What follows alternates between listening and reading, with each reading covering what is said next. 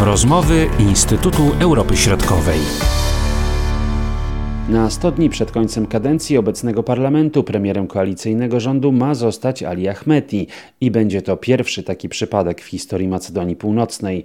To z jednej strony prestiż dla Albańczyków, ale także spore wyzwanie.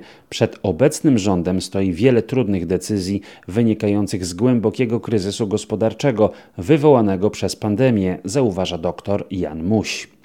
Różne organizacje podają różne dane, ale na przykład OECD wskazuje, że od 20 marca spadek wpływów podatkowych był na poziomie około 25% dziennie. W związku z tym no to są olbrzymie, olbrzymie straty dla budżetu i tutaj y, mówi się o 40-65% spadku gospodarczym w porównaniu z rokiem 2019.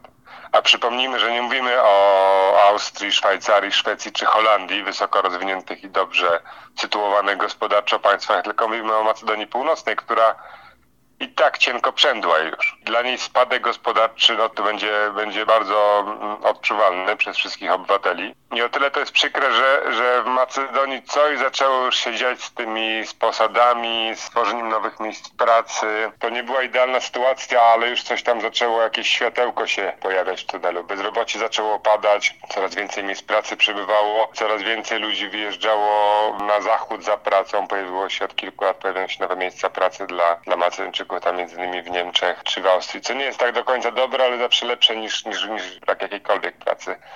No a teraz ten lockdown spowodowany przez koronawirusa bardzo negatywnie wpłynie na sytuację gospodarczą w kraju, więc przede wszystkim to. A sytuacja gospodarcza jest niezmiennie powiązana z korupcją i ze sposobem funkcjonowania sądownictwa, które jest na, na niskim poziomie w, w Macedonii. Znaczy korupcja jest na wysokim poziomie, a sądownictwo wymaga, wymaga reformy. Z tego, co rozmawiałem z moimi tutaj kolegami i koleżankami z regionu, to nikt nie wierzy w jakąś poprawę mm, w tych obszarach, ponieważ ten koalicjant Zorana Zaewa, czyli Ali Ahmeti, jest osobą, która kojarzy się bardzo silnie właśnie z korupcją i nepotyzmem. To nie jest koalicjant, który jest postrzegany jako państwowotwórczy, to jest koalicjant postrzegany jako sławny polityk, który wie jak się, mówiąc brzydko, dobrać, dorwać do koryta. Tak jest postrzegany bardzo często. Do tego stopnia ten obraz jest silny, że część Albańczyków, którzy zasadniczo głosowali na albańskie partie w Macedonii,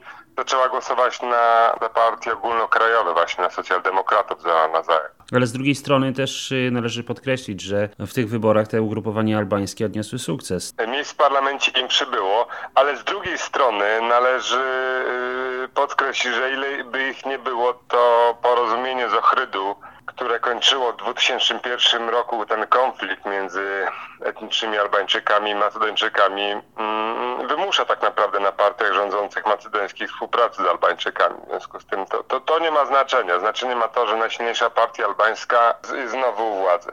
Nowum zupełnym i takim troszkę mm, szokującym dla obserwatorów e, wydarzeń politycznych mm, w regionie jest ten zapis koalicyjny, który wskazuje, że Ali Ahmeti będzie premierem na 100 dni przed wygaśnięciem mandatu obecnego parlamentu. Czyli ostatnie 100 dni rządu będzie, ostatnie nominalne 100 dni rządu będzie mm, pod przewodnictwem, pod, premieros, pod znakiem premierostwa Ali Ahmeti. To tego jeszcze nie było. No nie, Albańczyk nie był premierem mm, ani w Macedonii, ani, ani, ani tak naprawdę poza Kosowem w innych, w innych państwach e, regionu. To jest duża, nie chcę użyć słowa nobilitacja, ale bardzo pozytywny gest dla Albańczyków, szczególnie tych mieszkańców Macedonii. W moim przekonaniu ten zapis jest obosiecznym mieczem. To znaczy Ali Ahmeti na pewno zyska wiele punktów procentowych jako pierwszy albański premier Macedonii, ale z drugiej strony mobilizuje go do bardziej odpowiedzialnego zachowania jako koalicjanta, do lepszego sprawowania rządów, szczególnie w obszarze gospodarki, które resorty kontrolują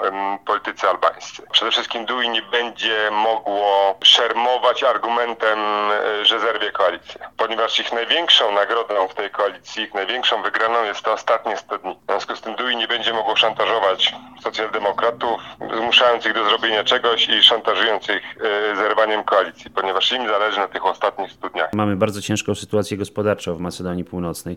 Czy to państwo może liczyć na jakąś e, szczególną pomoc ze strony Unii Europejskiej? Nie, nie może liczyć na szczególną pomoc ze strony Unii Europejskiej. Tam są jakieś pieniądze przeznaczone dla całego regionu, to jest kilkadziesiąt milionów euro i to te, te pieniądze, które są przeznaczane dla Macedonii, jak i też dla innych państw regionu Bałkanów Zachodnich, one, one, one się gdzieś topią, one się gubią, one, one nie są użytkowane w taki sposób, w jaki powinny być użytkowane. Pozytywnym takim gestem ze strony Unii Europejskiej jest decyzja kwietniowa o rozpoczęciu negocjacji z Macedonią, co na pewno tutaj e, wzmocni ten proeuropejski duch wśród Macedończyków. No aczkolwiek nie wiem, czy to będzie wystarczające. Musimy wszyscy czekać na wyniki pandemii, na to, na, na to żebyśmy mogli tak naprawdę globalnie oszacować straty, potem żebyśmy mogli w Unii Europejskiej oszacować straty, żebyśmy mogli zobaczyć, ile mamy pieniędzy, żeby tutaj podzielić z naszymi sąsiadami południowo-wschodniej części kontynentu. Jeśli chodzi o relacje z sąsiadami, szczególnie jeśli chodzi o Bułgarię, tutaj mieliśmy spór natury historycznej, czy ten nowy rząd y, będzie miał łatwiej, jeśli chodzi o relacje z Bułgarią i tutaj dogadanie się w pewnych kwestiach, czy trudniej? Czy to jest ten sam rząd, te same osoby tak naprawdę, które zawarły porozumienie o dobrosąsiedzkich stosunkach z Bułgarią, który, które to porozumienie z kolei kończyło wieloletni spór o etniczność Macedończyków czy o narodowość Macedończyków. Teraz pojawiły się negatywne sygnały ze strony Bułgarii, ale ten rząd będzie miał dużo łatwiej niż miałby rząd głównych tutaj, że tak powiem, przeciwników politycznych Macedonii, czyli tej konserwatywnej partii Wymereo, Dypymene, która ma jednak związane ręce dużo bardziej swoim konserwatywnym podejściem właśnie do tych kwestii tożsamościowych Macedończyków. Sydysymy cieszy się stosunkowo dobrą opinią na salonach europejskich. To jest ta partia, która i, i ten premier, i, i ten minister, już teraz do spraw europejskich, wcześniej spraw zagranicznych, który zakończył długoletni spór, niesławny długoletni spór z Grecją i którzy doprowadzili do porozumienia z Bułgarią. Czyli jakby rozwiązali dwa najważniejsze pro, problemy bilateralne Macedonii. Temu rządowi będzie dużo łatwiej negocjować e, z kimkolwiek w Europie. Nowy rząd Macedonii Północnej ma rozpocząć działalność na początku września. Marcin Superczyński, do usłyszenia. Były to rozmowy Instytutu Europy Środkowej.